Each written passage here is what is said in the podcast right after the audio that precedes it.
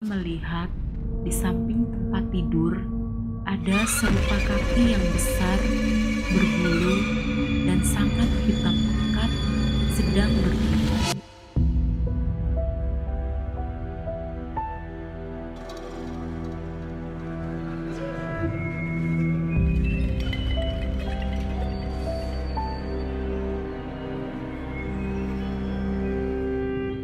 Hai guys, kembali lagi bersama gue Christine Anggraini di ARC Horror Story.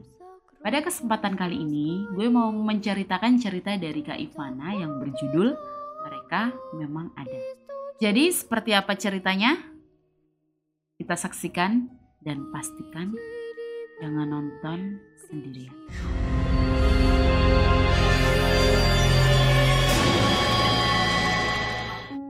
Kenalin, aku Ivana, mahasiswi di salah satu universitas yang ada di Purwokerto angkatan ke-17.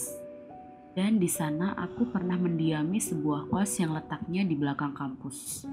Kos tersebut letaknya sangat strategis karena dekat dengan fotokopi, laundry, tempat makan dan juga minimarket.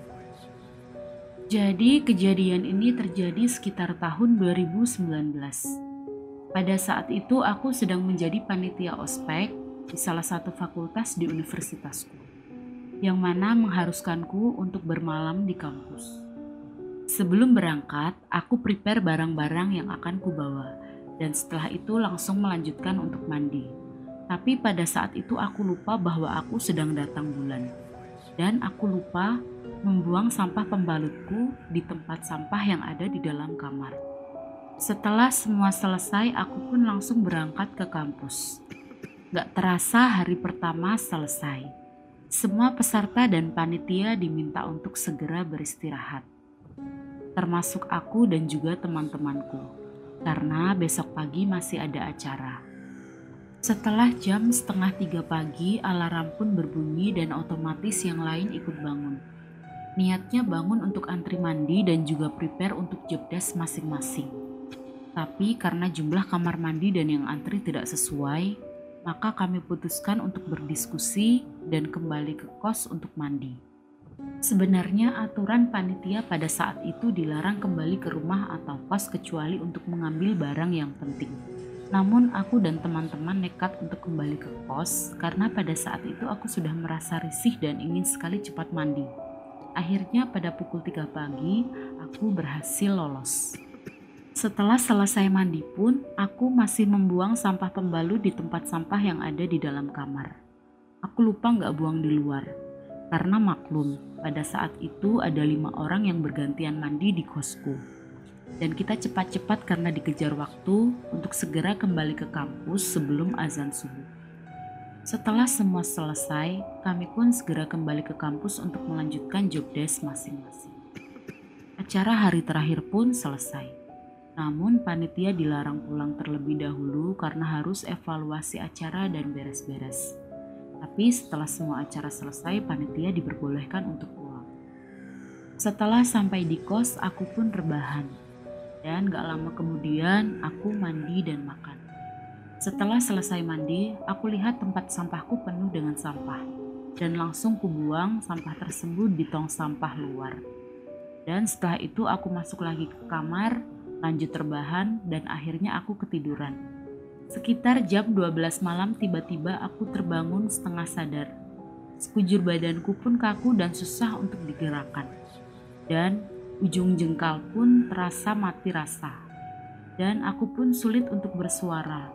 Di situ aku yakin 100% bahwa aku sedang ketindihan. Di situ aku hanya fokus membaca doa dan surat-surat yang aku bisa berkali-kali di dalam hati sampai aku terlepas dari ketindihan itu. Dan kejadian itu berlangsung cukup lama. Sampai akhirnya aku membuka sedikit mata walau badan masih terasa gemetaran dan panas dingin. Pas aku membuka sedikit mataku, tanpa menengok, ekor mata kananku tiba-tiba melihat di samping tempat tidur ada serupa kaki yang besar, berbulu, dan sangat hitam pekat sedang berdiri. Tapi aku penasaran ingin melihat sampai atas sosok tersebut. Namun mata dan hatiku menolak. Sampai akhirnya kututup mataku sekian detik. Lalu aku membuka mataku sedikit dan mengarah ke atas atap kamarku.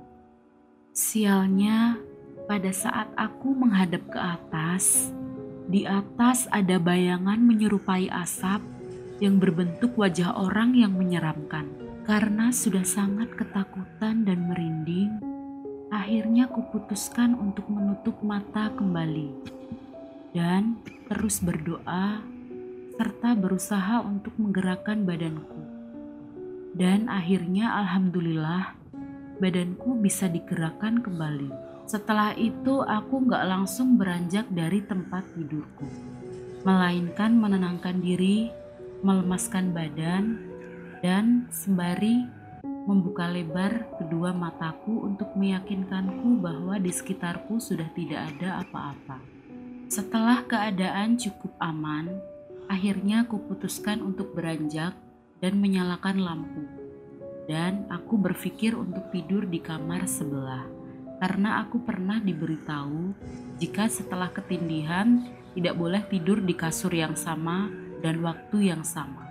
Untung saja temanku di kamar sebelah pada saat itu belum tidur. Jadi aku masih bisa bercerita tentang kejadian yang baru saja aku alami, biar sedikit merasa lega. Dan juga sekalian numpang tidur di situ karena kebetulan besok kami sama-sama ada kuliah pagi. Setelah sehari kejadian tersebut, aku membiarkan kamarku kosong karena masih trauma untuk tidur di sana. Dan dua hari setelahnya, aku dan anak kos yang lain berinisiatif untuk ngaji di kamarku. Dan kami berharap hawanya bisa kembali dingin dan nyaman. Setelah itu, aku memberanikan diri untuk kembali tidur di kamarku, dan keadaan sudah biasa saja. Aku pun bisa tidur dengan nyenyak karena aku tipe orang yang penasaran Keesokan harinya aku iseng chatting kakak tingkatku yang beda fakultas. Karena memang beliau paham hal yang demikian. Pas aku nyeritain kejadiannya, beliau minta izin untuk menerawang keadaan kamarku seperti apa. Dan gak habis pikir, karena sebelumnya beliau tidak pernah tahu keadaan kamarku, tapi bisa menebak dengan tepat barang apa saja yang ada di kamar. Setelah bercerita panjang lebar, Akhirnya beliau menjelaskan bahwa itu memang kesalahanku karena membuang sampah dan membiarkan sampah pembalut berhari-hari di dalam kamar. Akhirnya itu yang mengundang sosok mengerikan itu datang ke kamarku dan betah di dalam kamarku. Semenjak kejadian ini, aku jadi lebih berhati-hati dalam bertindak apa pun dan di mana pun. Karena benar, kita hidup di dunia ini berdampingan dengan dunia mereka juga dan seharusnya saling menjaga.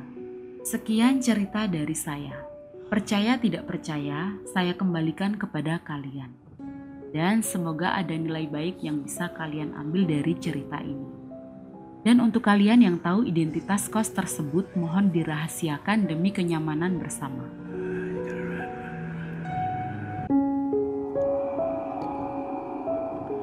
Nah, jadi seperti itu guys cerita pengalaman horor yang dialami oleh Kak Ivana. Nah, semoga kalian bisa mengambil hikmah dan pelajaran yang bisa kalian ambil.